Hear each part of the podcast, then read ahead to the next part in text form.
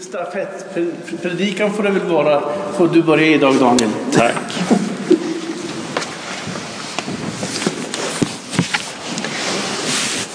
Ja, jag vill passa på att önska er alla ett välsignat gott 2017. Vi hoppas på ett härligt och gott år som kommer.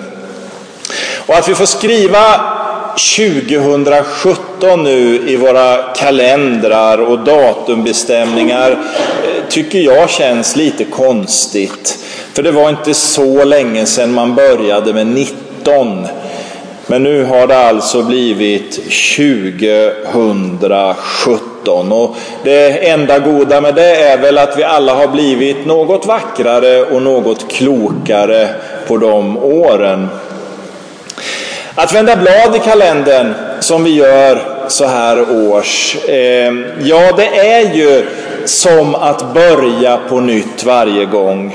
Det är många som vid årsskiftena fylls av tankar att nu, det här året ska minsann bli mycket bättre. Nu ska jag hålla mig borta ifrån chokladen eller vad det nu är man vill ändra på.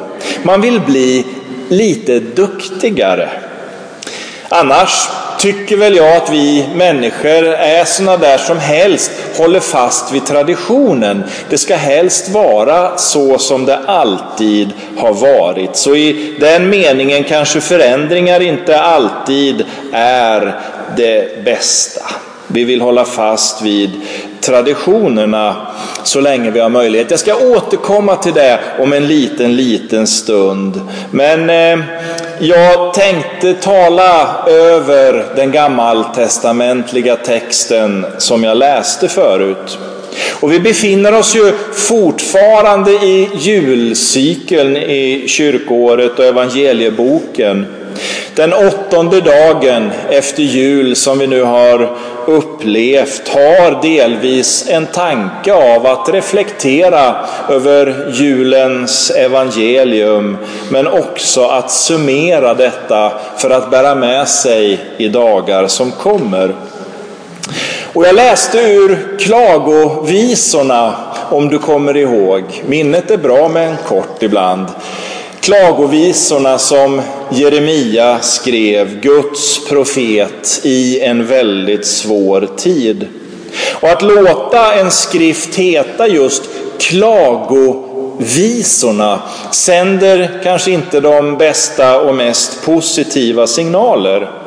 Det är lätt att tänka att någon som skriver klagovisor häver ur sig en svada av negativa tankar och funderingar som inte bygger upp utan snarare som bryter ner. Gnäll och kritik.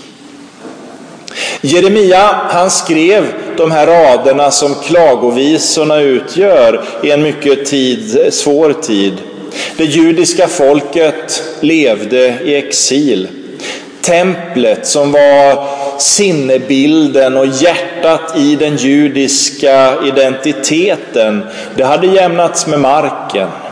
Man eh, hade sett hur Jerusalem, den store Gudens stad, också till stora delar hade jämnats med marken. Folket sitter där i främmande land och sörjer.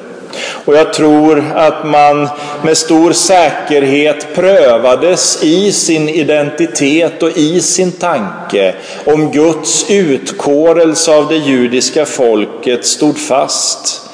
Grunden, fundamentet för hela tillvaron i den judiska nationen och traditionen var ansedd, ansatt och den var prövad. Och i den situationen skriver profeten Jeremia det som kallas för klagovisorna. Om vi nu raskt flyttar oss över till vår tid och till våra förhållanden som vi lever med idag så kan man väl på ett sätt säga att västvärlden lever med liknande utmaningar och prövningar idag. Nästan som vi har ärvt situationen av det judiska folket trots att det gått 2600 år. Men givetvis, många saker skiljer sig också. Fast tittar vi oss omkring detta 2017 som det nu har hunnit bli, försöker förstå och försöker analysera vad det är som händer omkring oss, så är det omvälvande och turbulent. Vi lever i något som man med ett fint ord skulle kunna kalla för ett paradigmskifte. Alltså Eh, den trygghet som vi har vant oss vid sedan efterkrigstiden började, den har förändrats. Homogena kulturer förändras. Ofta självklara saker är inte längre självklara saker i vårt samhälle. Det som har varit vår värld, det som har varit vårt samhälle är något nytt och vi behöver ompositionera oss och hitta vårt jag i det nya sammanhanget. Där kommer det här bladvändandet in i bilden. För det är ungefär så det kan vara. Det gamla är förbi och något nytt har kommit. Och vi människor är skapade av Gud på ett sådant sätt att eh, jag tror vi mår som bäst när grunden vi står på är stadig och stabil istället för att det ska vara ett gungfly och en osäkerhet som gör att vi inte vet hur länge det bär. När det judiska folket hamnade i exil var det inte på grund av någon tillfällighet eller slump. Det var en del av Guds plan för mänsklighetens frälsning. Och jag tror att det som händer omkring oss har sina likheter med samma sak. Under överinseende av Guds vilja och tanke. Det judiska folket var väl medvetet om Guds existens. Man var klar över att han hade utvalt dem, inte för att de var bättre, inte för att de var starkare än någon annan, tvärtom. Nej, Gud valde dem därför att de blev i den utkårelsen i totalt beroende av Guds nåd och omsorg. Och genom att handla med det judiska folket ville Gud visa vem han är och hur hans plan för vår återlösning är funtad. Strax innan folket fördes bort i exilen så hade Herren talat genom sin profet Hosea. Han fick genom sitt liv visa på Guds kärlek men också på Guds tålamod. Och som en del av det budskapet kallades han att gifta sig med en prostituerad. Trots äktenskapet sprang kvinnan gång efter annan iväg efter andra män. Och profeten, han sändes gång efter gång att hämta tillbaka sin hustru. Och vid ett tillfälle läser vi att han till och med fick köpa sin lagvigda hustru för att få henne hem. Och det är ett starkt, eh, ett starkt bildspråk som Gud använder för att visa på förhållandet mellan sig och oss människor.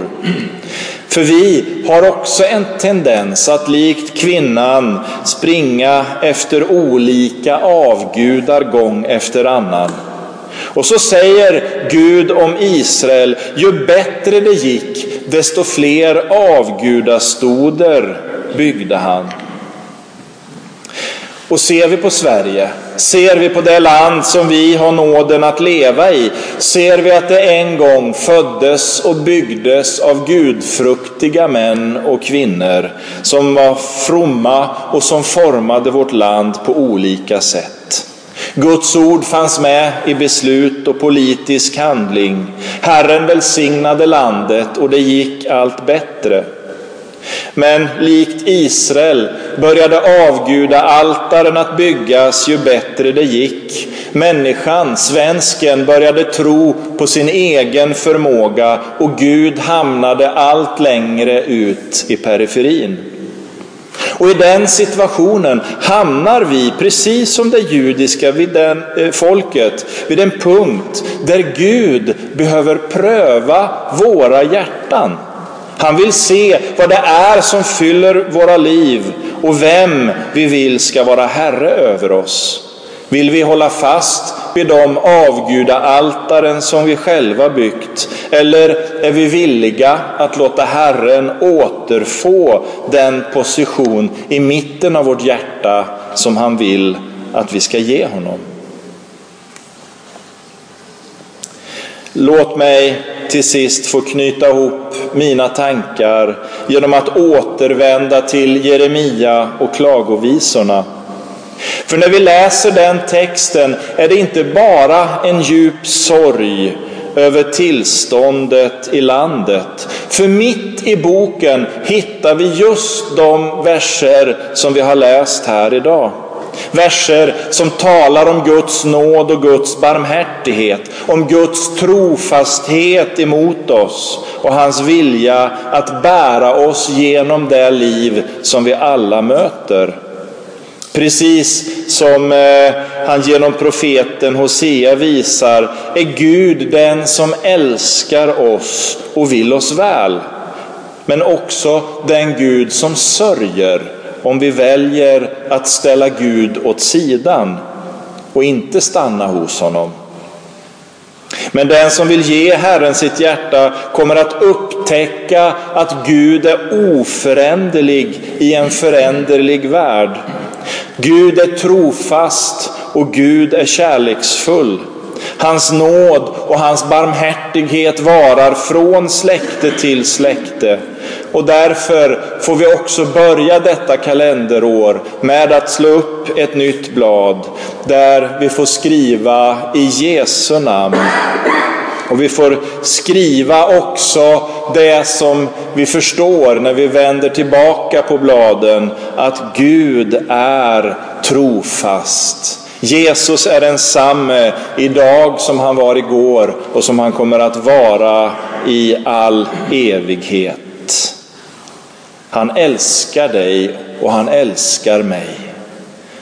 Han vill vara tillsammans med oss människor. Genom att ge sitt liv till lösen för oss har nu han gjort vad han kan göra och därför frågar han oss varje dag, vad vill vi göra? Vill vi vandra tillsammans med honom? Amen.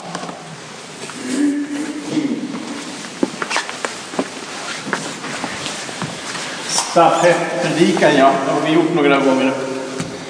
Och eh, därför ska jag knyta an till det här nu.